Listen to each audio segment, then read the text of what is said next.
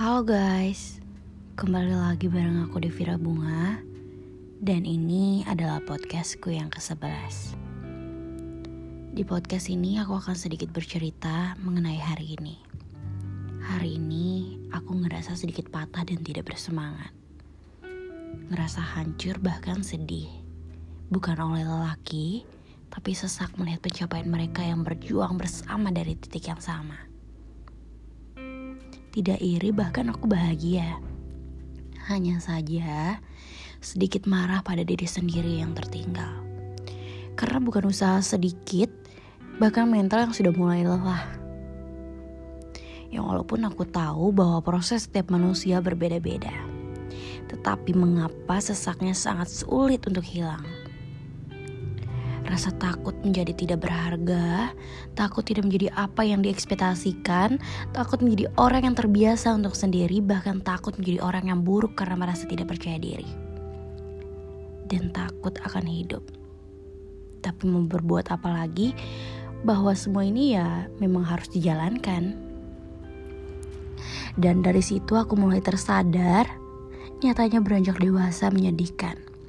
Overthinkingnya sendiri, ngerasa keadaan sepi yang membunuh perlahan, rumah yang sudah tak lagi menjadi tempat berbagi kenyamanan, bahkan malam yang menjadi saksi kesedihan dan pikiran yang ditikam dihadapi sendirian tanpa teman. Sementara keadaan yang selalu menuntut untuk selalu terlihat bahagia di depan orang. Tidak kusangka bahwa dewasa menyakitkan ini. Kubuka mataku dan kumulai drama. Seolah semuanya indah hanya senyum dan tawa yang kutunjukkan. Perihnya goresan luka yang kusimpan rapat dalam ruang gelap dan bertemankan sepi. Tidak kusangka bahwa aku sepandai ini bermain drama demi kenyamanan dan keamanan semua orang. Kusisihkan egoku dan bahkan tak pernah kutunjukkan. Tumbuh dewasa dan melega tanpa tekanan dari siapa pun. Bertumbuh tanpa tapi dan melakukan tanpa nanti.